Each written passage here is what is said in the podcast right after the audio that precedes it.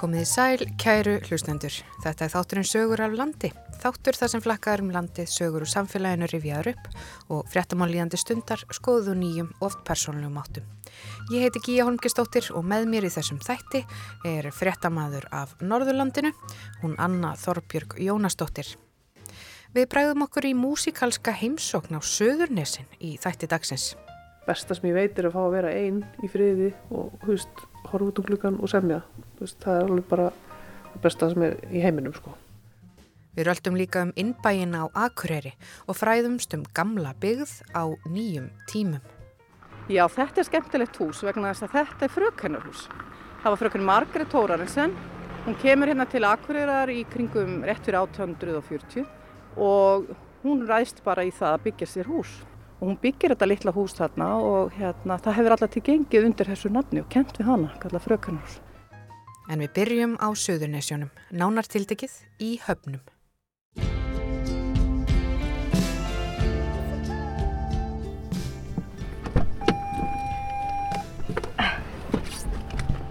Sæl og blessu!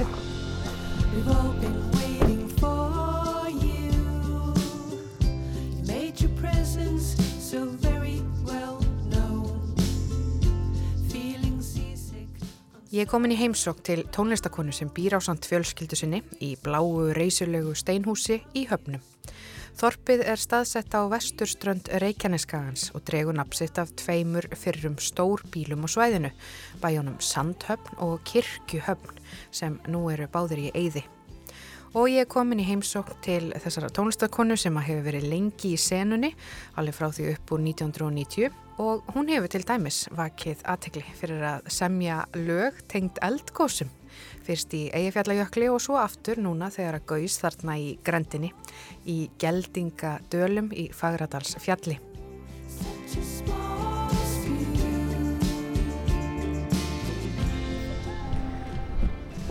Herðu, það er nú alveg pínu rók hérna hjá okkur í dag. Nei, trúir ekki. Rók í höfnunum. Vindasamt, já. E það er bjart. Það er bjart, en, en, en hvað er þetta hérna sem ég bendi á?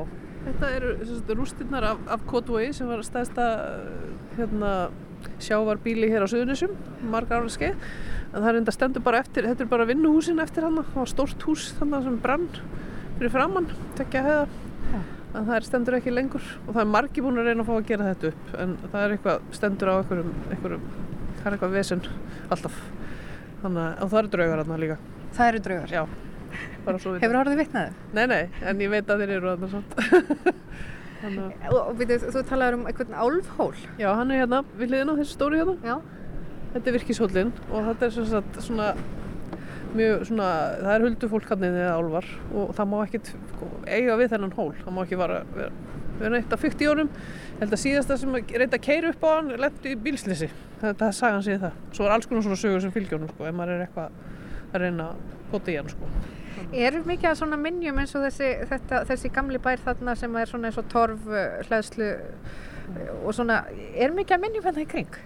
Já, það er mjög mikið, þú veist, og þannig að eldstu fornminjar sem hafa fundist á Íslandi, vikingaminjar er hérna bak við kirkjuna sem átti að hafa verið verstuð og þeir, þeir halda kannski fyrir rostungaviðar eða eitthvað svolítið sem er sko eldri en landnám og hefur svona breytt kannski sögunni. Og þannig að það eru fornminjar hér og, og hér út um allt eru tóftir og gamli bæir, skilur, svona hulinn saga allstaðar og skoðar þetta, þú veist, loftmynd þá bara fullt af alls konar bílum og dóti sem að, á eftir að skoða sko, það er alltaf búið að vera þorp hérna bara síðan land var numið sko. Já.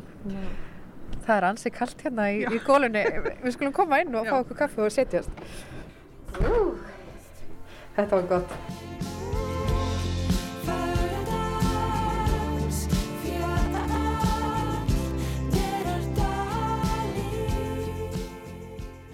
Ég heiti Elisa Marja Gerstóttir Njúmann og ég er tónlistakonna og deltastjóri í grunnskóla. Og þú býrð hérna í höfnum með fjölskyldu þinni eh, og þú átt svona tengingar hingað. Hvernig liggja þína rætur í hafnir? Allir vegir liggja í hafnir, það er ekki svolítið. Hollywood sem við kallum það. Uh, mínar tengingar hérna er að pappi minn er alveg upp í höfnum og mamma hans og fjölskylda er úr höfnunum og hérna, þannig að fjölskyldan tengist hérna og, og mér er alltaf þótt mjög vændum með þann stað, kom mikið inn sem barn að hitta ættingja og fara í kirkjugarðin og voru með kartublugarða hérna og svona. Þannig að ég þekki staðið mjög vel og þannig tengist ég hún upprunnulega Þegar þú varst yngri að koma hingað að heimsækja þennan stað, hvernig staður var hafnir þá? Hann var mjög svipaður og núna, bara aðeinsluður sko, þetta er svona, í minningunni það er hérna hól sem heitir Virkishól og undir honum voru við með kartablugarða sem við fórum á, sömurinn og vorum að taka upp og svona sinna og ég fór alltaf upp á hólinn og það má enginn gera neitt við hennar hól og þetta er alva hól. Þú verður að það gerist eitthvað hræðilegt ef þú gerir eitthvað við hólinn. Þannig ég var alltaf upp á hólinn að tala við álvar láð þarna í, í magindum mínum og spjallaði og ég sverða heyrði þeim og ég trúi að það þeir séð þarna í hólnum sko og hérna það er svona mín sterkasta minning og svo fara heimsækja yngu gamlu og kalla enda á eitthvað svona fólk hust og sita þarna og hérna skoða gamla dótið þeirra og svona. Þannig er svona minningin en svona rosalega notaleg minning. Og svona þegar kirkjan og, og kirkjugarðurinn það er mikið að fjölskyldunum minni. Og þá, svo komist ég að ég setna að hérna að móðuramma mín var líka hérna í höfnunum í Merkinessi og var áskona þar. Þannig að og hérna þessar fjölskyldur þekktust hérna áður fyrr áður en að fóreldra minna hittast sko. þannig að þetta er svona skemmtilegar tilvílanir Þannig að móður og föðurðættin tengjast sko langt aftur Já, næstu því, þetta séu alveg óskildar en, en það, svona, já, það eru tengingar bóðu megin mm. Er móðurættin þá líka hérna af Reykjanesinu? Nei, móðurættin er úr Reykjavík og Vestmannheim og svona á Suðurlandinu þar á undan. Já. Þessi staður hafnir, maður svona mann eftir tengingu út af þú tónlistakona, mm -hmm. að þetta er eh, Elli Vilhjálms, hún, hún er hérna og, og, og, og Vilhjálmur. Alveg rétt, þau eru, voru alveg upp í merkinesi hérna sem er rétt fyrir utan hafnir og mér er þess að pappið þeirra byggði þetta hús, þannig að Vilhjálmur Henrik, hann var mikill aðtapnamaður hér í höfnum byggði meðal hann að sapnaðar heimilið og, og þessi tvö hús hérna, staðarhól og gardhús. Þannig að við tengjust, tengjust þeim smá þar og hérna bróður hans vilja bjóða hérna lengi við liðan á mér og það var mjög skemmtilegt að tala við hann og spjalla og svona og hérna uppi í þar sem var stofa í gamla dag þar var bókasafn og mamma, Elli og Vilja voru, var sérstaklega með bókasafni hérna í, í þessu húsi já, líka. Þannig að það var ímislegt búið að gerast hér. Og þetta hús heitir Staðarhóll, eða ekki? Jú, þetta er Staðarhóll og hérna gamalt svona steinhús svona fín, fínustu hús þetta eru fínustu húsin í þorpinu auðvitað mikið lagt í þetta gamla dag það stendur enn hérna í allir þessu róki og, og sjóvind þá hérna er það mjög svona solid Hvað kom til að þið ákvaðið að flytja hingað í Hafnir? út af því að þú björst, er búin að búa Erlendis, þú varst nú íðinn svona í tónlistarlífinu, já í London og víðar mm. og en svo ákveði að koma hinga, hvað kom til? Það kom nú bara til að ég var svona tilturlega nýflutt aftur heim frá London, búin að vera í setna skipti í London í 5-6 ár. Við varum ólétt á dóttur minni. Og mér langaði að koma heim og einhvern veginn tengjast mér í fjölskyldunum mína. Og við vorum nýri bæ í, í líðill íbúð og og sáum að hús, þetta hús var að koma á sölu og vorum að, sko, að skoða hvað við getum gert og svona. Og þetta var svona þú veist bæði ódýrt og stort land og flott hús alveg sjóin og þessum, þannig tengingin við hafnir og ég hefði séð þetta hús áður á sölu tíu árum áður og þá var það farið sko þegar ég vildi fara að skoða. Þannig að við svona slóum til og fórum, að skoðum og, og fannst þetta bara sniðið þetta að prófa eitthvað annað þú veist, að fá fullta rými og getur með stúdíu upp á lofti og allt þetta. Og það er bara 40 minnir í bæinn þannig séð. Þannig að ég get alltaf farið ef ég er að trilla sko. Komist nýri bæ þannig að þetta var svona, já, við bara ákvaðum að prófa þetta og líka út af því það var þessi tenging þetta var ekki alveg út í bláin og við erum með alltaf, já, fjölskylda mín er hérna suðu frá, þannig að þá vorum við nær pappa og, og hans fjölskyldu líka Þegar þú talar um suðu frá, er það þá eh, Keflavík eða? Suðu frá, já, já, já. Er, Nú er ég svo mikil aðkofum aður hérna Suður frá, það er náttúrulega, það, það er fyrir, fyrir sunnan er náttúrulega bara hérna suðunessin sko, já. svo fer maður bæinn og svo kerir maður suður, en það er ekki að spilna, þannig að já, ég er að minna það, Keflavík, Keflavík og Kó og Hafnir. Já. Ég sá þér bregða fyrir, það myndi mig á þína fornu fræð. hvað svona uh, tónlistarferillin, hvað er svona framöndan hjá þar? Það er bara, ég er alltaf eitthvað að bralla sko. Ég er alveg að, ég er svona komið tvo þriðju af, af nýri blötu.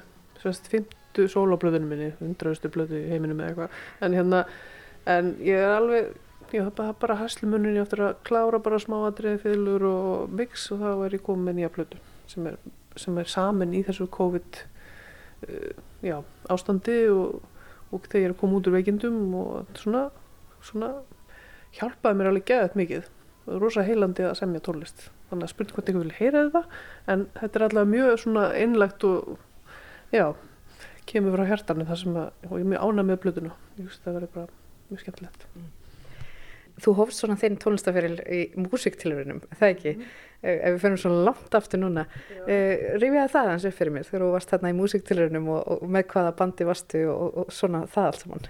Vá, wow. Það var svolítið langt síðan, það var svolítið þrjú ár síðan, eða þrjáttjú næstu.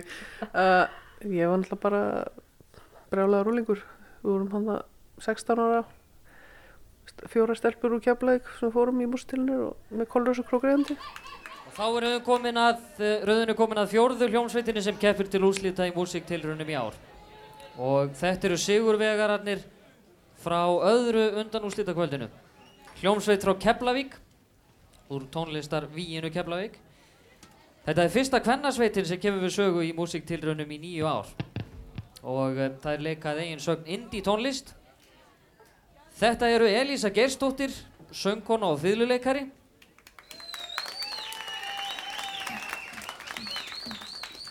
Sigrún Eiríksdóttir á gítar Ester Áskesdóttir bassaleikari og Birgitta Vilbergsdóttir trómuleikari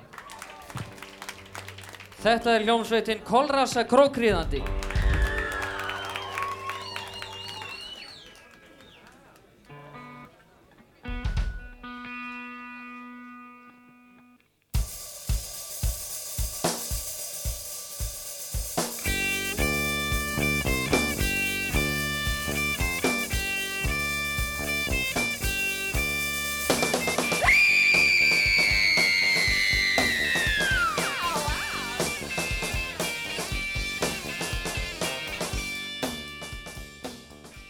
þarna einhvern veginn að vipp okkur til sigurs og, og, og vorum einhvern veginn á réttum stað á réttum tíma. Þetta var ákveðat þetta moment þar sem við einhvern veginn opnum inn á þetta indie sound og, og náttúrulega varum allt öðruvísin allir aðri og bara eins og skrattir, skrattir út úr söflegnum það var bara döður og sljósettir og eitthvað í músitilunum og svo komum við allir þannig að þannig byrjaði þetta aðeindir og við rauninni bara stoppuðum ekki næstu tíu árin sko þá til ég bara vaknaði í London 20 eitthvað ára og sagði, vá, hvað gerist? Þetta var geðut. en já, mjög skemmtilegt æfintýri. Svo varstu í London og tókst átt í senunni þar og, mm -hmm. og svo einhverjum tímapunkti þá varstu ólétt og ákveður að fara heim. Þannig þannig, þannig er þetta svona í stuttumáli. Já, mjög stuttumáli, já. Ég, fór, ég var náttúrulega í London hann í fimm ár með, eða, fór með hljónstinni upprunulega þegar við vorum að mega það og svo hættum við að mega og ég fór í, í námi óperusöng. Og svo kem ég heim aftur og svo fór ég aftur út í mastersnám og þá allt fyrir þetta aftur á stað í kringum EFL-augulægið og þá fyrir ég að spila fullu aftur og, og svona rullar á stað aftur og er aftur í fimm ár. Og þá var ég ólétt og þá hugsaði ég að ok, það er komið tíma að vera heima aðeins. Það var svona kallað á mig og ég náttúrulega hef ekkert stoppað svo sem í tónlistinni maður náttúrulega gerir aðeins minna með með lítið börn. En þú veist, en maður er alltaf að semja og alltaf að gera eitthvað. Kannski bara gengur aðeins hægar fyrir sig endur en áður. Að maður hugsa bara um sjálf og sig.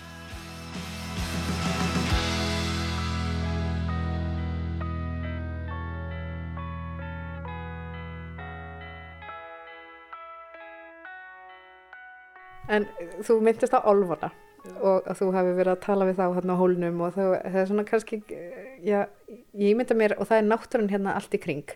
Ertu mikið náttúrupað sækjuru í náttúruna? Já, ég, elska að vera út í náttúrunni og það er svona núlstilli með algjörlega. Þetta er mér núvitundu, hugleðsla allur pakkin og þú veist, ég bara ég er rúslega þakklátt fyrir að hafa þetta hérna, veist, mér dreymdi alltaf þegar ég var í London þá dreymdi ég maður búa við sjóin og eiga kött og nú að ég tvo ketti og hérna er sjórin alltaf hverjum degi að tala um mig ég held að sé alveg ótrúlega gott að vera við sjóin og við erum alltaf mjög heppin á Íslandum. Flesti bæir eru við sjóin. Þetta er eitthvað svona rosalega tenging þetta sem ég saknaði mjög mikið ég, þegar ég var ekki við sjóin.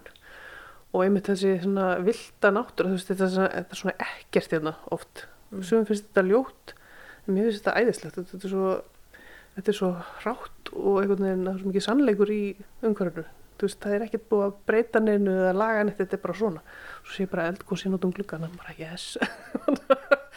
já, já, það gís vel í kvöld. Þannig að þetta er alveg næstu súrealist.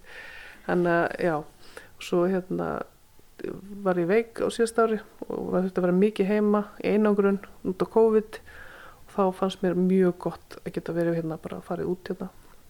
Gangutúra hérna búin að arka hér um allir reykjanes þekki hvernig króku kema og búin að fylgja árstíðunum alveg bara. Það er ótrúlega eitthvað svona gott að gera það þegar maður svona hægir á sér og bara getur tekið eftir öllu sem er að gerast í náttúrunni fugglunum og öllu og ég var hann alveg snar sko, ég var fann að tala við fuggla og, og hérna ræða við sel og hérna fann ég kvalreika hérna, mér varst alveg stórmerkilegt, ég er búin að tala við hann mikið og hérna, já, þetta er svona, maður fer inn í svona annan takt og mér varst að þó sem það var mjög leðilegt að vera veik þá var mjög, mjög gott að hafa þennan stað til þess að vera á. Svona heilandi kraftar í náttúrunni? alveg pottitt, ég myndi segja það. Og ég reyndi alltaf að fara í gangutúra hérna ef að veður leið, þú veist. Stundum er alltaf brjálaveður en ef það er ekki brjálaveður þá fer ég og lappa minn rúnt hérna og fyrir á strönd og tala þessu hafið og svona og þá verður allt auðvöldra Já. Hvaða uppáhald staði áttu hérna í grendinni? Hvað svona uh, stendur upp úr á þínum uh, gangutúri? sko Þetta er náttúrulega bara margir fallir staðir hérna, þetta er maðkasandur hérna hínum einn, hann er mjög fallegur.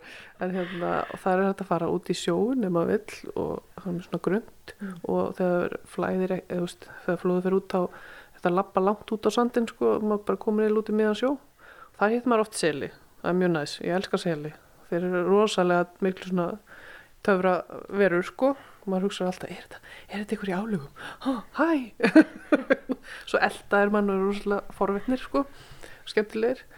Svo ef maður fer í hináttina þá eru svona lítil fjara hérna, sandfjara á milli, jungar, nei, milli Merkines og Hafna sem er mjög gaman að fara niður í og, og aðeins svona kvíla sig og, og svo fylgis maður með fugglónum og skarfanir eru að koma og svo kemur þessi og þessi og tjaldanir og, sömurinn er alltaf bara miljón fugglar þannig að ég er orðin svona hálfgett eh, fugglafrík og svo er ég búin að taka mikið af myndum. Ég tek mikið af myndum út í náttúrunni og mér finnst það mjög skemmtilegt. Og það er svona mín dagbók í rauninni. Ég posta þessum myndum áfram og af einhverjum svona skriknum hlutur sem ég finn. Í gær fann ég hauskúpu af kval tók mynda því, það stöndum mjög ekkilegt ég var að pæla hvort þetta var sami kvalurinn og ég fann ég fyrra. Það var bara búið að geta hann allan eða eitthvað. En það var rosa flott Var það þá stór uh, hauskúpa? Já, alveg svona, þú veist, einna hálf metri, sko. Þannig að þetta var mjög flott. Já. Þú verður að hafa samband við náttúrfræðstofu eða e- eitthvað svolítið? Já, þetta var alltaf skugganefja hana sem kom upp. Það var óalgengt að finnast hér í Ísland. Ég er náttúrulega hljómið svo algjör nörd núna, en ég finnst þetta allt mjög svona skemmtilegt og, og veist, já, þetta er, þetta er óurlegu náttúra hérna, en hún er mjög falleg og sann. Það stutt hérna út á miðin mm -hmm. og já, þetta er svona fullkomin staðsending til þess að vera með báta og, og eitthvað útgerð. Uh, er eitthvað slíkt eftir hérna og, og hvernig er svona útgerðarsaga hafna? Já, ég veit allt um útgerðarsögu hafna. ég sé það á þér. ég veit það ekki, en uh, það er engin útgerðinu núna, því miður. Uh, það var að náttúrulega að, þú veist, árum áður og þú veist, öldunum áður var þetta bara rosalega stort útgerðar hérna, svæði og stort bíli hérna Kот vor sem var bara eitt stæðsta útgerðar hérna bíli landsins held ég. Bjóð hérna á verti bara mörgundur manns. Og þetta var fullt að gera og bara þegar pappi var ungur þá var fullt að með það en svo náttúrulega breytast þessi hérna kvota útlutun og kvotin var allur seldur hérna og mikið seldur af frá Keflæk og Sjónissunum þannig að ekki allum en við, því miður er engin, engin að veða enna núna. Við erum alltaf að reyna að fá okkur hobby, þú veist, gæja til að koma og vera með svona trillur eða eitthvað, kannski kemur það setnað mér. þetta er náttúrulega bara þú veist, maður sér bátana hérna úti bara rétt hjá bara, bara líka að maður getur komið við á sko það er fullt, fullt fiskir í hérna en því miður engin, engin að koma hér í hefnuna En hvað með, sko, er, er einhver uh, atvinnustar sem er hérna?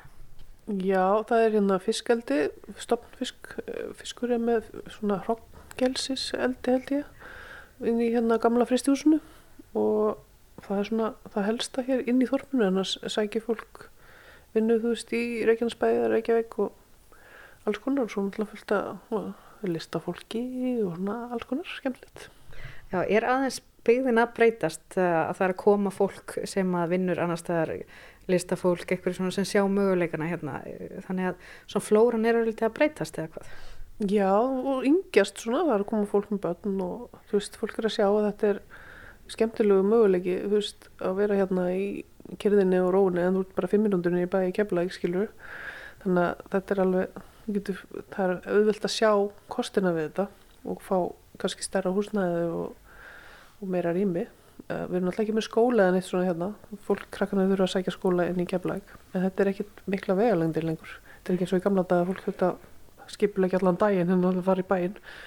Þannig að þetta er svona minna mál. Og jú, við erum með menningafélagi hérna sem hafa gert ímislegt skemmtilegt. Við erum, þú veist, staðarsöfnum fyrir að við gerum á safnarheimilinu, skiptum þag og letum mála og láta laga kirkjuna halda tónuleika og vera með alls konar menningaviðbröð þannig að það er reyndar ekki mikið núna síðustlega eitt og halvt ára út af, COVID náttúrulega en þar á undan bara við vorum mikið að skemmtilegu starfi og svona, þú veist, gaman að vera með í því Já. Þannig að svona, það er samhældið samfélag hérna í höfnum. Já, fólk vil hafa sitt rými mm. en við erum öll bara, já, við erum mjög góðir hafnamenn.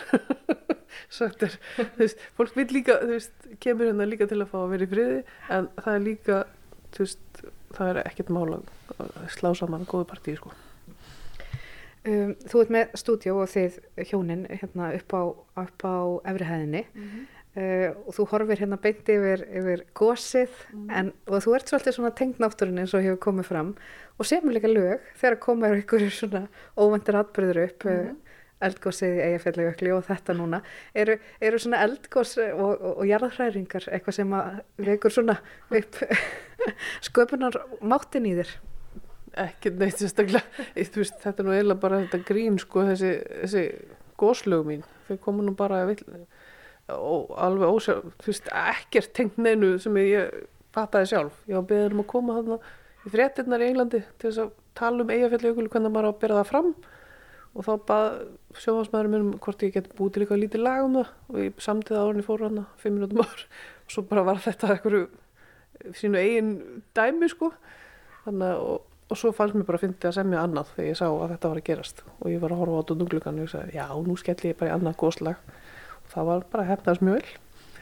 Þannig að það er nú ekki dýbráði en það. En jú, ég er alveg inspireruð af náttúrunni, mér þú svo gott þú veist, besta sem ég veit er að fá að vera einn í friði og veist, horfa út um klukkan og semja. Veist, það er alveg bara það besta sem er í heiminum sko. Þannig að það spillir ekkert fyrir stundum með maður hérna að spila píano og horfa út um klukkan la la la, bara, vá, þetta er svolítið klísja sólinn og öldurnar og fugglanir eitthvað kvaka og maður alveg, hmm, vá, ok. Ég er actually að gera þetta svona. Þetta er ekki bara í bíomundunum þannig að, jú, þetta hjálpar mjög mikið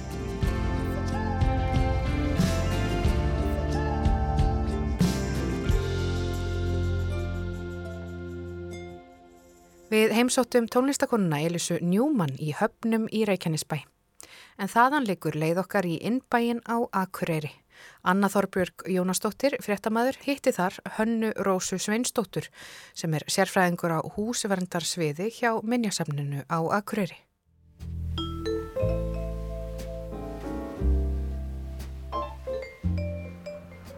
Þú kannski bara segir okkur hvar við erum stödd akkurat núna? Já, við erum stödd hérna bara í hjarta, hjarta gömlu Akureyrar, fyrir fram að lagstarsús hérna, Hafnarstræti 11. Þannig að hér byrjaði þetta allt.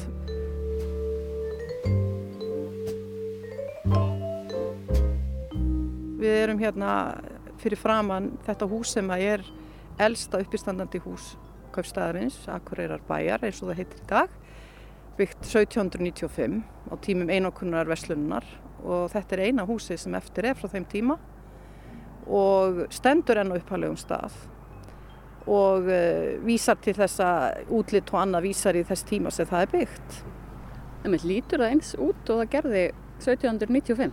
Já, það má eiginlega segja að það líti í, í stórum dráttum e- eiginlega alveg eins út. Þetta var sko, endurgert á sínu tíma, þetta var mikla viðgerði sem fóru fram á húsinu í kringum 77-78 og þá var það fært til upphæflegs horfs að utan að eins mikið er nákvæmni eins og var hægt með að við úttaktir og annað.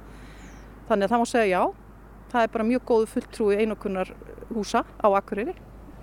Um þetta að fara að drabbast ansi vel niður og þá kannski hefur átt við um nokkur húsinn hérna innbænum. Hvernig finnst þér hafa tekist til um við að halda húsunum almennt við? Sko þetta, það, kannski innbærin átti svona sitt hnignuna skeið hérna um tíma en mér finnst núna síðustu kannski svona tveir áratugir eða svo þá hefur, hefur mikið breyst hérna.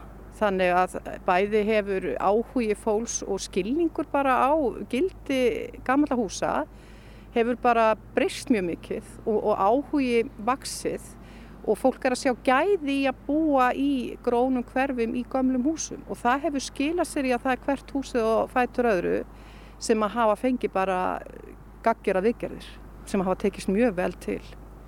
En inn á milli eru nýri hús, uh, það hafa líklega staðið hér eldri hús fyrir einhverju síðan. Uh, hefði kannski mátt bjarga fleirum?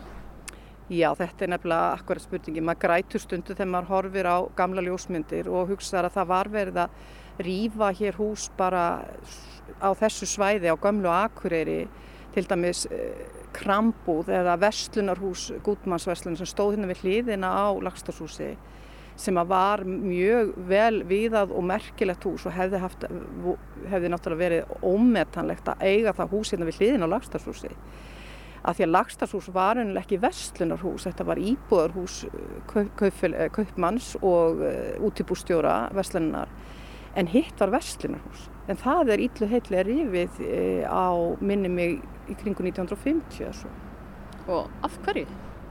Það er bara það sjónamið á þeim tíma að það var bara, þau sjónamið voru uppi að það væri hér ætti að vera íbúðabyggð og það eru byggð hér steinhús hér í kringum, það eru steinhús eiginlega á flesta vegu hérna við umkringja lagstarsúsi sem eru frá þessum tíma og þá eru þessar leifar af gömlu vestlunarhúsunum eru bara fjallag. Svo verður líka að segja að þessu svæði sem við erum í hjarta gömlu akkurirar þá hafa líka brunar sett stryk, velet stryk í reikningin. Þannig að þetta tvönd, brunar og svo, hvað er maður að segja, að tafna stefni mannsins, hef, hafa náttúrulega breytt þessu svæði ansið mikið. En svæðið hefur líka breyst hansi mikið. Þegar maður sér gamla mynd eitt af lagstælhús og húsunum í kring þá er fjaran bara hérna beint fyrir framann eh, húsið þegar það var. En núna er sjórin tölvert langt í burtu. Hvernig, af hverju gerist þetta? Já, þetta er svona hluti af e, bæjarmynd Akureyra sem hefur breyst mjög mikið. Það eru, búa, það eru ansið miklar uppfyllingar sem hafa verið gerðar hér fram í sjó og það er gaman að segja frá því að menn voru stórtæki þannig að það er strax bara um kringu 1900-1901 sem er ráðist í að, að hérna, íta fram úr höfðanum hérna fyrir ofan byggðina til þess að búa til undilendi til að byggja og eh, en þetta, sérst af því þetta var náttúrulega bara strandlengja, mjó strandlengja og það var sjór fyrir framann og, og, og við raunlega stöndum hér fyrir framann lagstásús í fjöruborðunum á segja og þetta sem er hér austan við okkur eru uppfyllingar, allt setni tíma uppfyllingar. Og ef maður horfir hérna aðeins lengra austu fyrir þá er þetta náttúrulega drottningabrautin sem var nú fekk napsita þegar drottningin, danska drottningin Margret var að koma í heimsum hérna þá var verið að leggja þessa eigafjörðabraut og það verða náttúrulega miklar uppfyllingar samhliða henni. Og svo er líka hlut að þessu svæði sem hefur mótast kringum fjöruna er hluti af deilskipulagi sem var unnið þarna 1986. Einmitt, en við skulum kannski bara aðeins rölda hérna um innbæinn og, og sjá hvort við finnum ekki ekkur fleiri áhugaverð hús til að, að fjallum.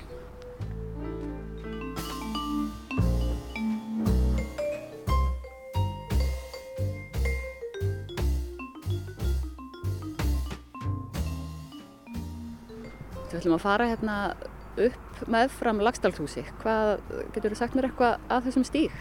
Já, þessi stígu sem við erum að ganga núna eftir, hérna sem er norðan við Lagstafsús og liggur hérna á milli raunilega hafnastrættis og aðastrættis.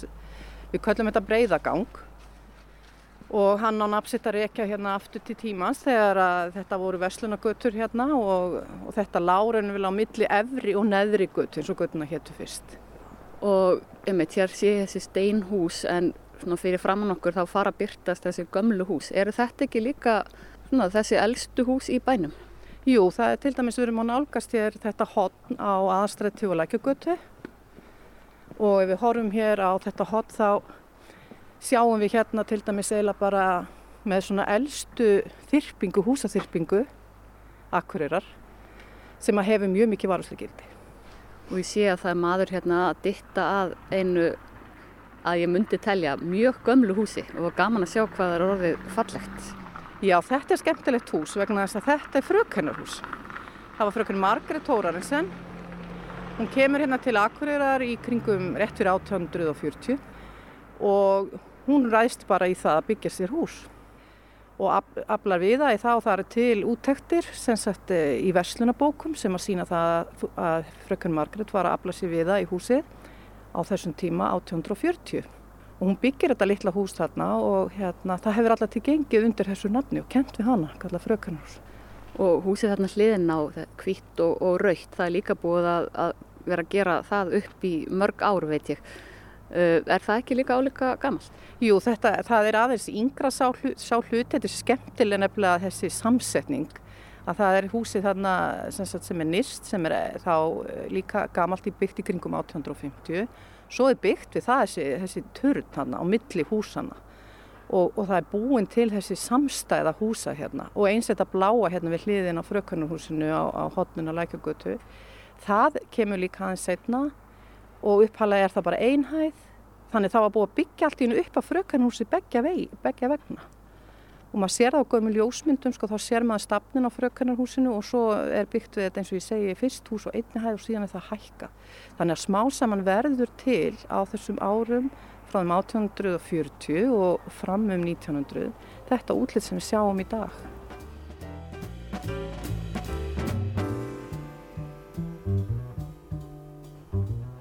Og hérna það er líka svolítið áhugavert að því við erum út á gamlu akureyri en þá sem að ég segja sé hjarta sem er hinn eiginlega gamla akureyri, hjarta akureyrar. Og við erum að horfa hérna til þess upp uh, svo kallar búðagil sem lækjagatan liggur eftir. Og þar er náttúrulega, þar voru búðir kaupmannana og þar voru byrjað að byggja svo íbúðarhús einmitt á þessum tíma svona um kringum 1850 með lækjagata, það hlýtur að hafa þá verið lækur hér. Já, það var nefnilega lækur hérna sem að skipti svolítið og hafði áhrif á eh, hvernig eirin, það er hérna framburðurinn af þessum læk sem að skapar þessa eiri sem að er svo bygg, byrjað að byggja á.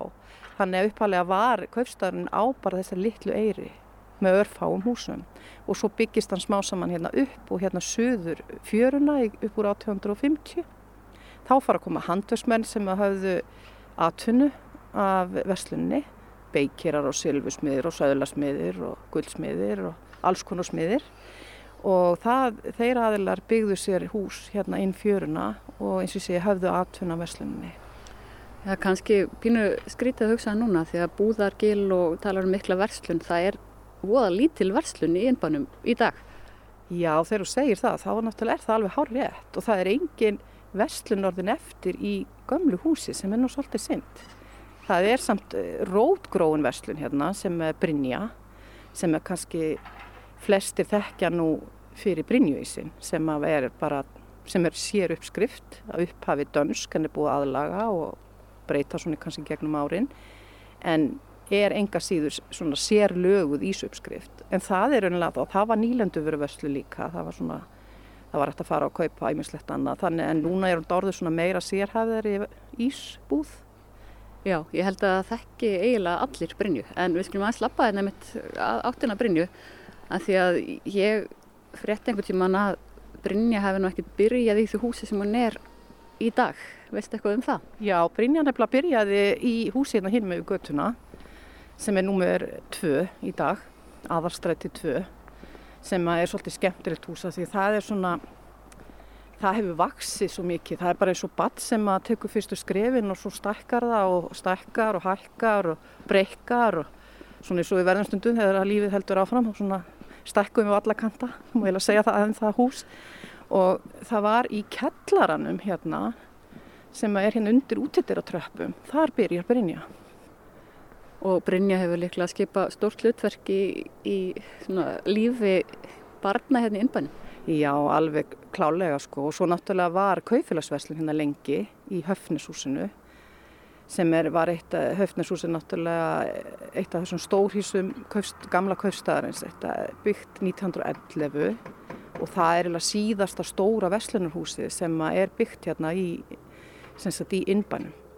Og ástæðan held ég hefur nú verið talin af hverju við eigum þennan fína innbæ og þessi gömlu hús og þessa bæjarmynd hérna þó ekki meira breytta heldur hún er er svo að þunga miða kaufstæðar eins og hún flist hún fer hérðan frá þessu svæði þar sem kaufstæðar byrjar og það, það er reysn í Bryggja og hún er tekið nótkunn hann eftir aldamóti 1900 og þá flistur hún að þunga miðja bæjarins út á torfnef Þannig að hefur kannski bjargað innbænum að hér hef ekki verið nóg mikið um að vera Það má kannski segja það sem við leiti á. Þessi bæluti var bara pínu eftir eða þannig það, það flist þunga með hann í burtu og þetta verður meira íbúðarsvæði og svona einhvern veginn þá er ekki eins mikið þrýstingur á kannski að breyta og rýfa og því en líkt þannig að það svona já veistu það getur verið að það hafi svona sumuleiti orðið til þess að þessi bæluti er þó það vel varveitur sem hann er.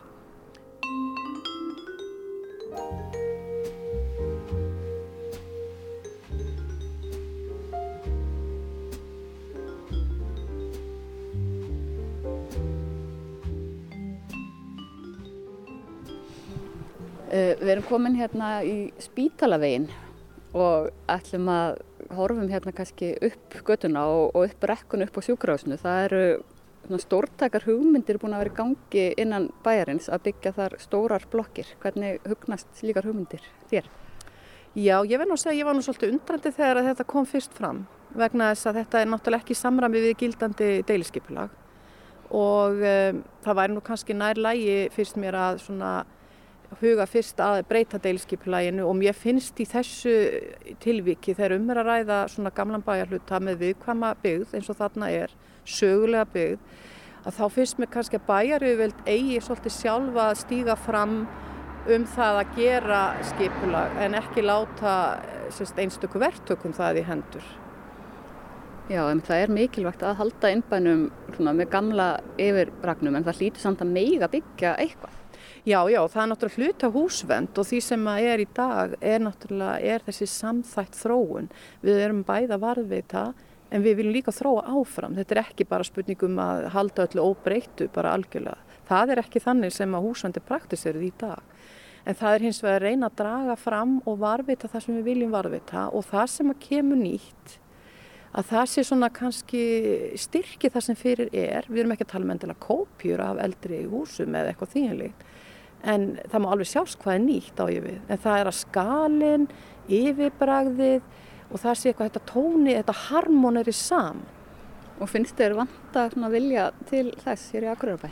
Ég hefði vilja sjá aðra nálgunni og ég verða að viðkenna það. Og ég get bent á það líka þegar það var gerð hérna húsakönnu hérna síðast á þessu svæði 2009 hérna á spítalaveginum og byggðinni hérna vestan og neðan við sjúkrási, vestan spítalega neðan við sjúkrási að þá til dæmis var nú verið að ítrekka það að bæriðul dættu kannski bara að, að líta á þessu nokkuð þrónaverkefni og halda jáfnvel eh, einhvers konar hérna, samkeppni um byggingu inn í svona grói hverfi eins og þetta er. Og þó að sé ekki mörg hús á svæðinu þá er þetta svona, eh, þetta er gamla aðtarnasvæði sjúkrahúsins og þannig eru byggingar frá ýmsum tímum og endur spekla þróun spítalans á Akureyri og auk þess að það er þannig íbúðabíð.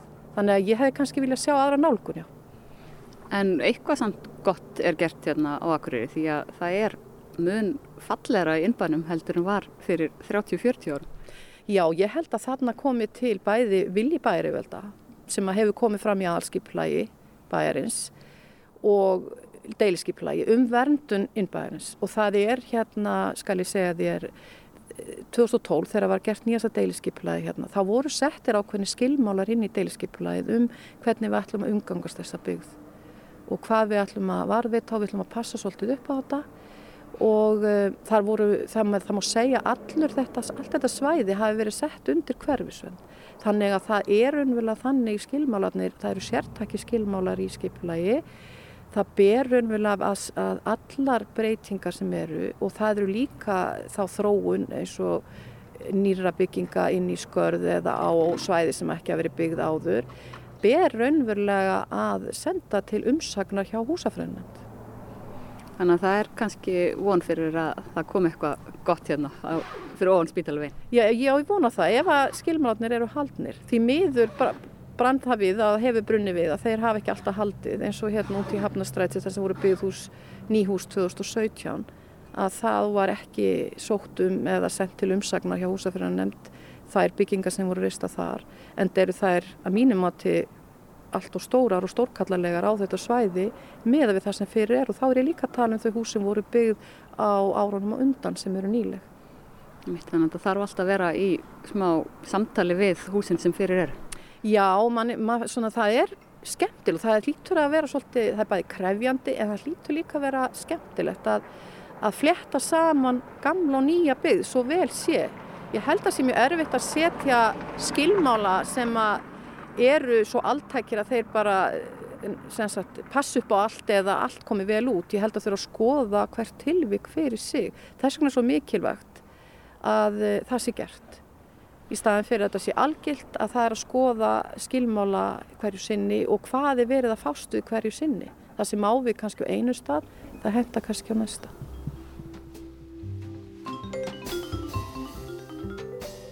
bara svona í sambandi við húsvend að þá langar að benda líka bara á svona þessari ávinningur af húsvend sem við teljum vera að það er svona efnahagslegur ávinningur, þetta er atvinnuskapandi, þetta skapar störf að gera við gömul hús og við halda þeim, þetta skapar sérþekkingu. Og svo er þessi umhverjuslegi ávinningur og það finnst mér náttúrulega líka að vera sem að í dag er mjög svona upp á borðum og mikil svona verið að horfa til að það er endurnýting, nota sem mest að því sem að bæta og laga og nýta aftur. Og þarna náttúrulega kom, kemur húsvöndin mjög stert inn þarna. Og svo fyrst mér vera þessi félagslegi eða menningarlegi þáttur sem að, að skiptir máli hvernig umhverfið við búum í. Það hefur áhrif á okkur og það hefur áhrif á líðan okkar. Og það eru bara rannsóknir að sína það hvernig þið manngerðan umhverfi hefur mikið um það að segja hvernig fólki líður. Og það er líka að verðist vera að fólk sækir í svæði þar sem að skalar og annað eru svona manniskulegri ekki of stórkallarlegir heldur svona einhvern veginn þú getur svona liði vel í því. Og söguleg byggð virðist höfða til fólks fólk sækir í þannig byggðakjarna til dæmis í, maður þekkir það bara sjálfur en maður á ferðarlegingstar að maður fer mjög víða og skoðar elstu bæjar, bæjarkjarnana, elstu húsin einhvern veginn ósjálfnátt dregst maður svolítið að því og hvað er það að segja okkur? Það er að segja okkur að þetta hefur áhrif, þetta hefur gildi fyrir okkur. Já og þá er gaman að horfa hérna upp brekkuna á gamla apotekið sem er beint á móti Brynju. Það hefur aldeilis uh, verið gert við það og, og lappað upp á og orðið bara eitt fallegast hús bæjarins en það hefur náttúrulega ekki alltaf verið svo. Nei, þetta er náttúrulega hérna, stór glæsilegt hús og eftir mjög viðamiklar og vandaði viðgerði sem minnjavernd stóð fyrir á sínum tíma og uh, húsið er náttúrulega sko, eitt af berkilustu húsum akkurir vegna þess að þegar að það er byggt 1859 þá er raunverulega algjörst stórvirkjum að ræða og algjör að nýjung í bænum. Þetta voru allt svona lítil hús svona uh, í svona með kannski risi, einhæð, ris, láreist hús, látt til lofs, ekki vítti veggja. Svo kemur hér bara stórhísi og því er þess að staðsetningin er svolítið djarlega valin staður hérna fyrir ofan, upp í brekkunni. Þegar all húsin stóðu hérna niður á flatanum og í fjöruborðinu, þá kemur hérna bara, bara allt, allt annar tótt. Og hér eru við að tala um allt annar stíl, hér eru við að tala um hús sem er hérna, stort og mikið háreist með stóru miðjukvisti upphallega sem að, hérna, var nýjung algjör á þeim tíma í húsagerðarleist og raunverulega setur svolítið tónin fyrir hvað maður að segja vondur íslensku, þetta hefur kannski verið svolítið svona trendsetter vegna þess að hérna eftir þetta þá fer að koma mikið að húsin sé breytt og settur jáfnvel miðjukvistir á þau til að auka rými e, risaðarinnar en hérna er þetta upphalið á húsinu.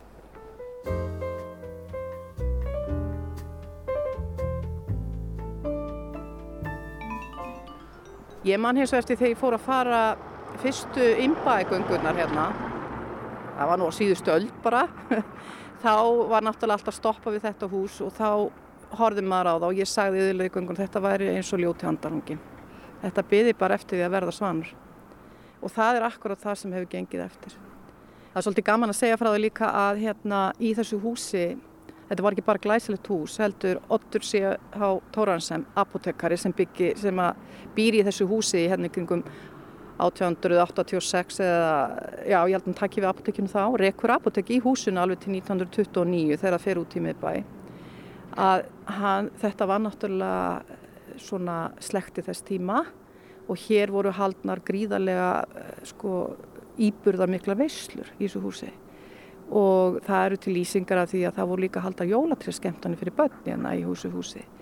Og það lýsir því einn stúlka sem ólst hér upp í ymbanum að þetta var bara eina hátstundum ásins þegar það var bóðið í apoteki til þess að sjá jólatrið og það er líka svolítið skemmt að segja því það voru svona tveir aðalega sem voru að berjast svolítið um að, eh, hvað ég segja, annar það var Otto Karl og svo sagans þeirra hinn hafi verið Hafstinn e, í Hafstinnshúsi e, á Otturinni sem er í Strandgötu.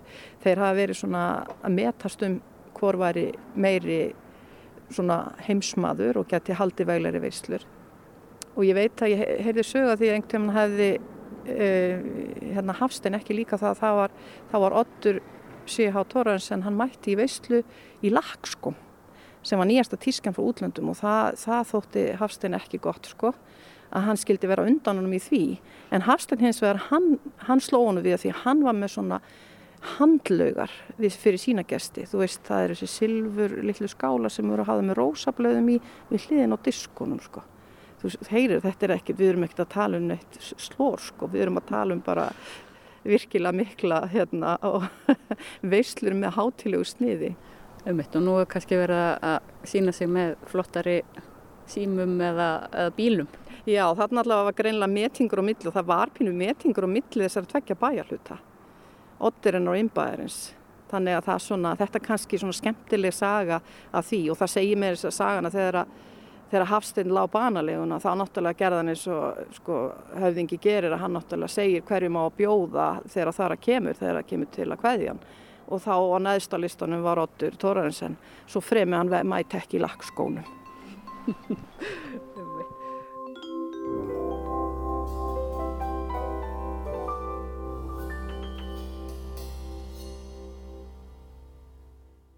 Og á þessum nótum er komið að lokum í sögum á landi í dag.